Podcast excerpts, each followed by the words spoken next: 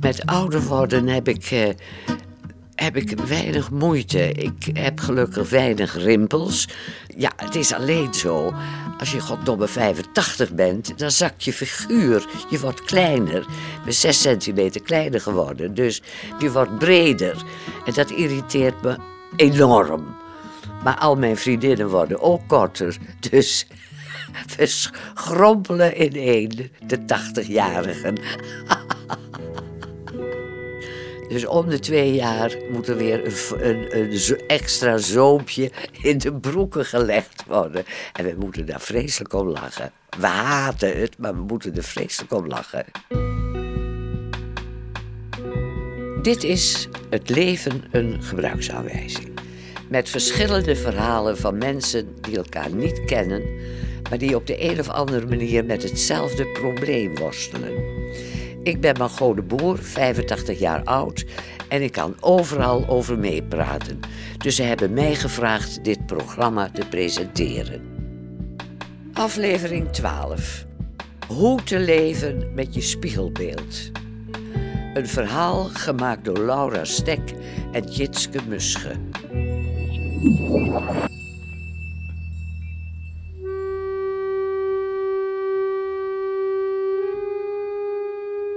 Ik zat als een eh, propje helemaal in een hoekje met mijn benen tegen mijn borst, mijn haar voor mijn hoofd, mijn handen naar beneden, gewoon eh, helemaal in een hoekje gepropt. Ik zag niks. Er waren snel mensen ter plaatse en ik hoorde twee mensen in het Spaans zeggen van eh hay muertos, dus er zijn doden. En toen dacht ik gelijk van oh nee, oh nee, oh nee, oh nee. 1 maart 2014, Noord-Colombia. Er botst een minibus op een vrachtwagen. De dan 34-jarige Vanessa Roelsen komt met de andere inzittenden in een 7 meter diepe berm terecht. En toen dacht ik dus heel snel van oké, het enige wat ik moet doen als ik hier uit wil komen, is dat ik niet in paniek raak. Als ik me hier tegen ga verzetten, dan ja, kom ik hier niet uit. Ja, dan verlies ik mezelf of zo. Toen ik eenmaal in, ja, in, eh, in het ziekenhuis aankwam, zei ik dus gelijk zelf tegen een arts ja, het is niet best, hè, zei ik tegen die arts. Van, het is niet goed, hè. Mijn gezicht was eigenlijk als een soort vaas uit elkaar gespat. En die arts zei ook van... Nee, nee, het ziet er niet echt goed uit.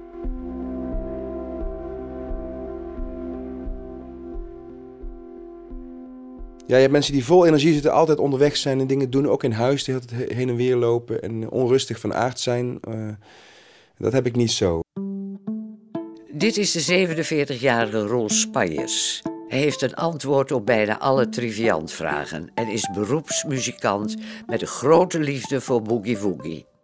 Als hij niet werkt, is hij graag op zichzelf.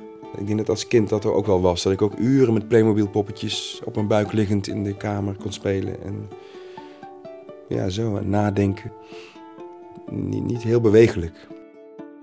Als ik naar mijn oude schoolfoto's terugkijk, denk ik, is het begonnen wat wij toen hadden, de zesde klas, dus groep 8 en de, en de brugklas en zo. Daar een beetje is het.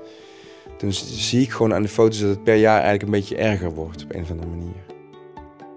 Ik groeide gestaag verder tot over de twee meter. Maar dus ook in de breedte, kun je zeggen. Ik weet nog dat ik bij voetbal zat en dat ik dan altijd zorgde. Bij het douchen bijvoorbeeld na een wedstrijd. Eh, nou ja, dat je dat een beetje je verdekt opstelt. En dan, eh, maar ik kon dat dan, ik was verbaal wel goed, dus ik kon wel eh, zorgen dat ik dan zelf al over mezelf bijvoorbeeld een grap maakte, waardoor de aandacht verlegd werd weer naar iets anders. Dus ik zorgde, ik pro- probeerde de vernedering voor te blijven. Zo, als iemand het doet, dan moet ik het zelf maar doen. Maar ik had wel een soort uitlaatklep. Als ik speelde, had ik er nergens last van. Dan voelde ik me echt een soort de koning van, eh, van het podium. En was ik al die onzekerheid kwijt eigenlijk. Ik kan me wel heel vaak herinneren, echt du moment ik van het podium afstapte, dat ik dan weer zo'n soort wollen, klamme deken over me heen voelde vallen. Van dat je meteen weer bewust wordt van je uiterlijk en de onzekerheden die daarmee gepaard gaan. Dat je dan dus puur gezien wordt als de figuur die daar staat in plaats van de, de persoon die net nog speelde.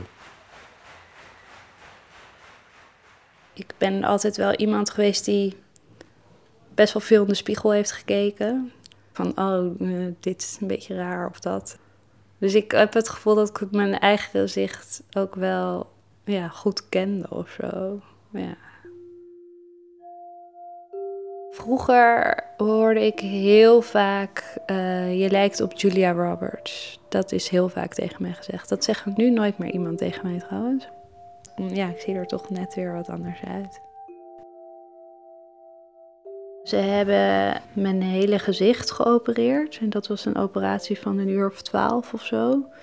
Ze hebben alles weer een beetje aan elkaar geplakt, zeg maar, met van die uh, titanium plaatjes. Een stuk of uh, vijftig of zo. Mijn oog, uh, die lag te ver, mijn oogkast, dus die hebben ze opgehoogd met een stukje uit mijn heup. Ze hebben mijn jukbeen naar boven verzet om mijn oogkast weer wat kleiner te maken mijn kaken op elkaar gezet, want die stonden ook helemaal uit elkaar. Ik kon mijn tanden niet meer op elkaar zetten. Um, ja. In het begin waren mijn ogen heel erg opgezwollen. Ik had echt van die um, raccoon eyes, gewoon helemaal uh, dicht. Maar ik had een heel klein gaatje in mijn oog waardoor ik door kon kijken.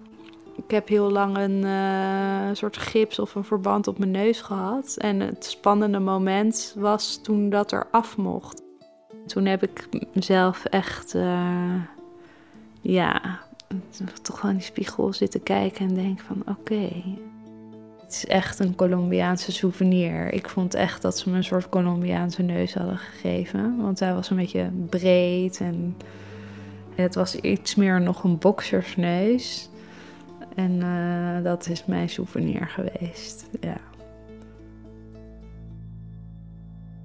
Ik kan me herinneren dat ik als student dan door de stad liep met vrienden van, van mijn studie. Dat je dan in de etalage in één keer jezelf ziet tussen die toch hele normale jongens. En dan denkt, oh, denkt, oh wat een gevaarte. Dat je over jezelf, bijna als een soort uittreding, dat je niet jezelf ziet, maar dat je een soort persona ziet lopen. En dan denk je, dat ben ik dan. Ik word nog steeds wel zoals door mijn eigen spiegelbeeld, ja het is ook toch een soort vreemde figuur, een soort reus die je dan ziet uh, meelopen daartussen. Mijn linkeroog, die heeft een andere uitdrukking. Ik kijk gewoon anders uit mijn oog. Bijna dierniswekkend figuur, wat je dan zelf bent eigenlijk. En dat je het dan maar weer snel wegstopt. En nog steeds geeft het toch die kaken en die neuzen net iets andere indruk. Dus het lijkt heel erg op hoe het was, maar het is net iets anders. Ik speelde het op een groot festival en ik was thuis en denk, nou, ik, ik heb nog maar zo'n klein maaltijdje gehad, ik ga nog iets halen. Dus heb ik volgens mij Chinees gehaald, wat natuurlijk altijd te veel is. Dat dan toch daar weer te veel van gegeten. En toen werd ik, was moe en ik ging op bed liggen en het was warm, he, echt heet. En ik lag op bed en ik voelde me zo, ik denk, oh man, dit kan toch gewoon zo niet langer doorgaan. Nou ja, dat je je zo vol voelt en zo een soort van ongans gegeten dat je bijna het gevoel hebt van ik lig hier te, soort van te gisten of zo, als een soort uh, rotte appel. En toen was echt het moment, ik denk, nou ga ik echt uh, dat serieus aanpakken. En dat lukte toen ook. S ochtends twee boterhammetjes en alleen maar fruit tussendoor. S'avonds één keer opscheppen. En ik ben heel veel met de drummer van de band gaan squashen. Nou, en toen vlogen de kilo's eraf.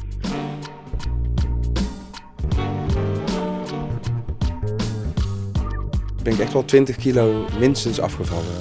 En als je dat ook realiseert, je staat in een supermarkt en je hebt 20 zakken kruimige aardappelen. En dan denk je, nou dat is gewoon ongelooflijk eigenlijk. Ja, dat, dat had zo'n uh, grote gevolgen voor mijn leven toen. Ik woonde samen uh, met een vriendin en uh, ik had het eigenlijk helemaal niet gevoel dat, dat dat zo slecht ging. Maar we waren wel een beetje, uh, ieder met eigen soort problemen, een beetje naar elkaar toe gekropen. Een beetje met de ruggen tegen elkaar, naar de wereld toe. Ja, we waren heel erg op elkaar gericht eigenlijk en met elkaar bezig. En toen voelde ik van ja, dit, of, het was niet eens zo'n bewust proces, maar ik werd gewoon uh, een soort van uh, opengegooid door alles wat er gebeurd was. En Ik ging me veel meer begeven in de buitenwereld. En dat had natuurlijk gevolgen ook voor die relatie. Dat het op een gegeven moment... Ja, dat, ik, dat het me ook benauwde veel meer dan het eerst deed. Heel pijnlijk, maar het was gewoon al heel snel duidelijk... dat er eigenlijk voor haar geen plaats meer was. Waar het voorheen was, let maar even niet op mij... is het nu, kijk mij, ik ben er ook in deze winkelstraat. Je bent meer waar je bent. Je bent dan in die straat en, en, en, als je dik bent, ben je meer op weg naar de bepaalde winkel waar je moet wezen. Het was gewoon veel brutaler en veel, uh, veel meer oogcontact met vrouwen. En uh, dat je ook rustiger of meer rechtop in mijn geval loopt. Opener eigenlijk gewoon. Ik had echt het gevoel van dit was ik eigenlijk al de hele tijd. En nu eh, mag ik het hok uit. Zo'n zo soort gevoel had ik. Ik heb zelfs toen ik in dat proces zat met iemand gedate. En dat was echt nog in het stadium dat mijn gezicht eigenlijk nog paars was van de operatie. Hij had hele lekkere chocolaatjes meegenomen, maar die kon ik uiteraard niet eten. En we hebben een wandelingetje gemaakt in het bos en we hebben zitten kletsen. Ja. Ik was zo echt blij dat ik leefde. Dat ik dat helemaal niet ingewikkeld vond of zo. Dat heeft mezelf een beetje verbaasd hoe positief ik erover ben geweest. Heb wel een tijdje geen. Uh, vond ik het heel moeilijk om foto's van mezelf te zien voor het ongeluk. Dus ik kon best wel dealen met mijn uh, gezicht. Maar als ik dan echt foto's zag van, uh, van daarvoor, dan werd ik wel heel verdrietig. Dan dacht ik gewoon echt heel letterlijk van, oh ja, daar was ik echt mooier. Ik vind mezelf nu minder mooi. Ik moet wel zeggen dat ik daarna weer uh, toch weer een soort van teruggevallen uh, uh, ben. Eigenlijk zo heel geleidelijk en langzaam. Ja, je zou zeggen, hoe kan dat na zo'n verhaal van net? Ben ik toch weer een soort van terug, op mijn, terug op mijn oude gewicht geraakt. Um, ben weer terug in mijn hok. Weet je, op een gegeven moment pak je gewoon de draad weer helemaal op. En je draagt het natuurlijk wel voor altijd met je mee. Maar ik kan nu weer net zo naar mijn gezicht zitten kijken of over mijn uiterlijk sikkeneuren, zeg maar, als, uh, als vroeger. Dat eigenlijk ja, gaat dat gewoon door. Nu gaat het over grijze haren en rimpels. En ja, dat hoort gewoon ook bij het leven, blijkbaar, om je over dat soort dingen te, druk te maken. Ja. Ben nu wel recentelijk dan wel weer de draad opgepakt, dus dat is dan spannend. Het is een interessant project. Misschien over een paar jaar, als ik weer uh, 130 weeg, dat je dan nog eens langs kan komen. Maar ik hoop dat dat niet nodig is.